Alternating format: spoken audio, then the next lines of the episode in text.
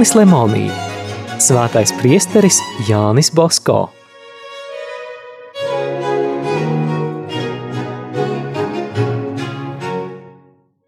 Priesteris Ruā liecināja, ka pats savām acīm redzējis, ka Jānis Bosko tikko nav raudājis no skumjām, ka nav varējis satikties ar kādu baznīcas vadības pārstāvi, ar kuru būtu gribējis dalīties savās domās. Dažreiz Bosko sāpīgi nopūtās.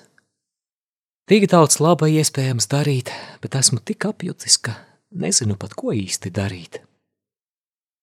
Francijas parlaments 1880. gada 29. martā bija pieņēmis klosteru iznīcināšanas likumu. Priesterim Bosko Francijā bija četras iestādes – Nicā, Marseļā, Sensīrā un Navarrā. Priesteris Boloņs telegrafēja uz Alasio Saliziāņu iestādi – šovakar mēs visi brauksim pie jums. No Alasio iestādes tūliņ telegrafēja uz Turīnu – Priesteris Ruā steidzās ar telegrammu pie Jāņa Bosko. Viņš mierīgi atteica: Ko tu saki? Nevar būt. Viņi nevar būt izdzīti. Pavisam nesen es rakstīju priesterim Boloņam. Priesteris Ruā apgalvoja, ka tā ir patiesība, rādīja telegrammu, bet Bosko arvien pretojās: Nē, tas nevar būt. Te būs kaut kāds pārpratums. Vēlreiz uzrakstīšu priesterim Boloņam, redzēsi, ka man taisnība. Un nekavējoties viņš apsēdās pie galda un uzrakstīja vēstuli priesterim Boloņam uz Marseļu. Kā priesteris Bosko teica, tā arī bija. Salesiāņi ar lielām pūlēm saņēma atļauju palikt. Dažas dienas vēlāk, kad šos jautājumus pārunāja, Salesiāņi jautāja Jānim Bosko, kādēļ viņš rakstīs priesterim Boloņam vēstuli, un licis nebaidīties un kāpēc bija pārliecināts, ka tos neizdzīs. Redziet, laipni atbildēja Jānis Basko. Es sapnī redzēju svēto jaunavu. Viņa ar savām drānām apsedza Francijas salesiāņu iestādes. Vesels pulks uz tām šāva, meta akmeņus, šļāca dubļus, bet Marijas tērps kā stipra cietokšņa siena aizsargāja mūsējos. Piegājis tuvāk pajautāju, Svētā Marija, bet ko tu te tagad dari? Viņa man atteica: Mīlu tos, kas mani mīl.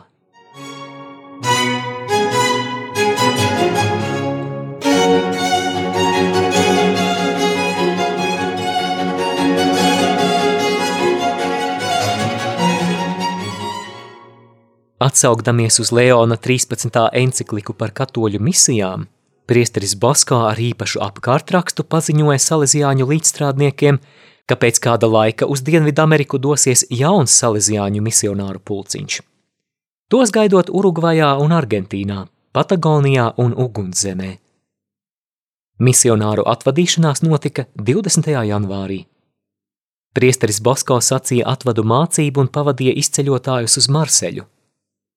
Gandrīz reizē ar misionāriem cits neliels salesiāņu pulciņš priestera Kaljēro vadībā devās uz Spāniju, lai atvērtu svētdienas oratoriju Uteras pilsētā. Mārseļā šoreiz cilvēki bariem vien plūda, lai satiktos un parunātos ar priesteri Bosko. Viņam aizbraucot, notika brīnums. Thank you.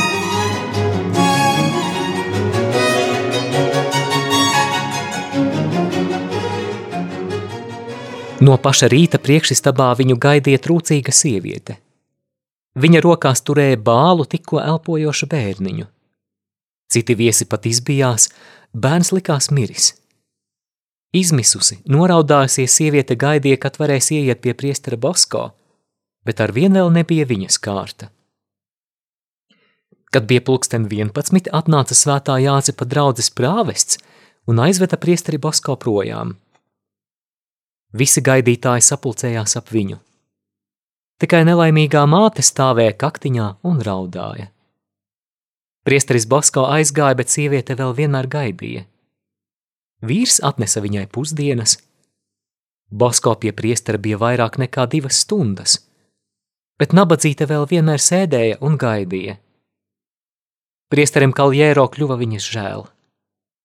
Bērniņš bija pilnīgi nekustīgs Gulēja kā nedzīvs, tikai reti lēni elpoja. Kad Basko atgriezās, nabadzīte atkal mēģināja viņam piekļūt, bet pūlis sieviete tūliņ nostūma malā. Nekā nepanākusi, viņa atkal atsēdās savā kaktiņā. Beidzot pievakarē priesterim Basko bija jādodas uz Nicu. Simtiem cilvēku bija sastājušies koridorā un uz kāpnēm. Tikko viņš nāca, visi spiedās tuvāk. Priesteris Kaljēro paskatījās uz nelaimīgo māti. Viņam bija tās ļoti žēl. Priesteri Basko, viņš sacīja. Kāda māte lūdz, lai jūs svētītu viņas bērniņu? Nav man laika, jau vēlas pat uz vilcienu nepaspēsim. Priesteris Kaljēro neatlaidās, bet priesteri Basko, viņa visu dienu jūs gaida un viņš pats tai palīdzēja tikt cauri pūlim. Sieviete piegāja un atsedza bērniņu. Priesteris Basko viņu svētīja, un lūk, bērns atvēra acis un sāka kustināt rociņas. Viņa acis nevarēja vien atdzerties jaukās saules gaismas.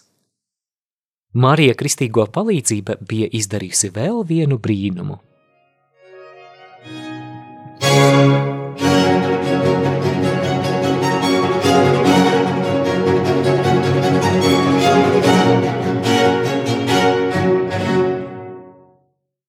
Pavadījis dažas dienas Nicā, Bosko aizbrauca uz kannām nolasīt lekcijas salezjāņu līdzstrādniekiem. Tur daži labdari viņu lūdza svētīt Rolāna jaunkundzi. Polieti, kas pirms diviem gadiem bija smagi saslimusi un atradās protestantu pansionātā Bel Air. Pēc kāda laika viņu pārņēma paralīze. Priesteris Bosko aizgāja, svētīja slimnieci un lika palūkties dažas lūkšanas – Prom ejot, viņš sacīja: Cik jūs ticēsiet, tik arī vesela kļūsiet. Es ticu dziļi, dziļi, atteica jaunava. Labi, ja ticēsiet, izveseļosieties.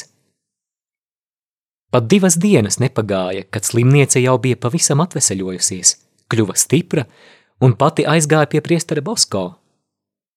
Kādu izbrīnu šis notikums radīja protestantos, to grūti aprakstīt. Pats priesteris Bosko ieraudzīja šo jaunavu nākam veselu apjuka un nezināja, ko tai sacīt. Ejiet tūliņ pat mājās, viņš sacīja. Vai jūs nebaidījāties tik droši dieva spēku izlietot? Ak, nē, smaidīdam atteica Rolāna jaunkundze. Dieva spēku mēs abi izlietojām, jūs vēl pirms manis. Pārdabiskā palīdzība Jāni Bosko pavadīja ik uz soļa – Bordigērā pēc viņa svētības ātri izvesaļojās Morēna kundze un viņas dēls. Aizbraucis uz Romu, Bosko redzēja kroplu ubagu. Viņš to svētīja. Tas aizmeta kruķus un sāka staigāt.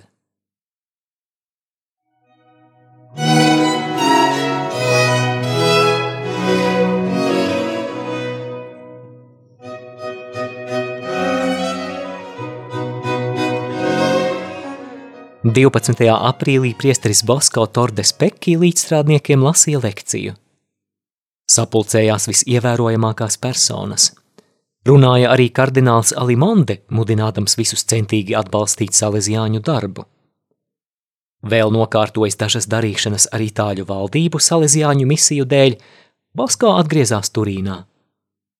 16. maijā viņš jau bija oratorijā – Pirms divām dienām bija mirusi Marijas kristīgo palīdzības meitu kongregācijas priekšniece Marija Mazarello. Apveltīta ar īpašām spējām, viņa īsā laikā tā bija izplatījusi savas kongregācijas darbu, ka pārsteidza pat priesteri Bosko. No kongregācijas dibināšanas bija pagājuši deviņi gadi, un māsu bija jau vairāki simti. Viņu iestādes bija Piemontā, Ligūrijā, Lombardijā, Venetā, Francijā, Amerikā. Starp citu, Marija Mazzarello ir pasludināta par svēto. Augustā Monferrato Nicā tika sasaukts vispārējais māsu kapituls, lai ievēlētu jaunu priekšnieci. Šo pienākumu uzticēja māsai Katrīnai Dagēro.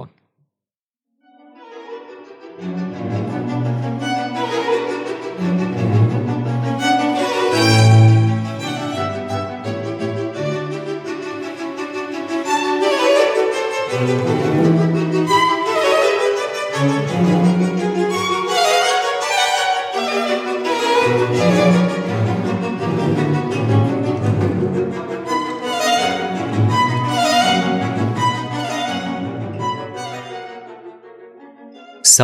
tajā laikā atvēra dažas jaunas iestādes.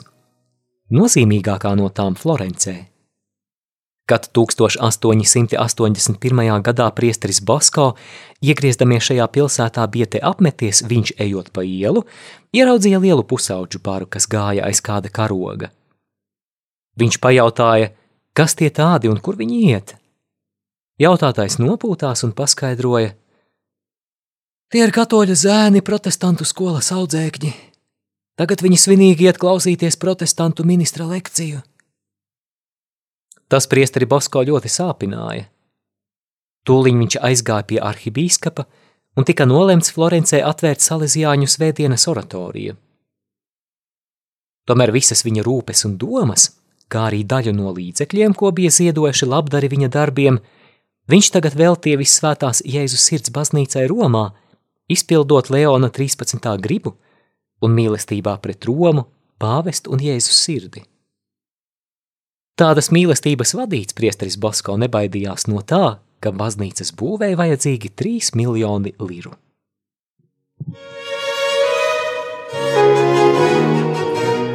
Izskanēja lasījums no Jāņa Lemonija grāmatas Svētais priesteris Jānis Basko.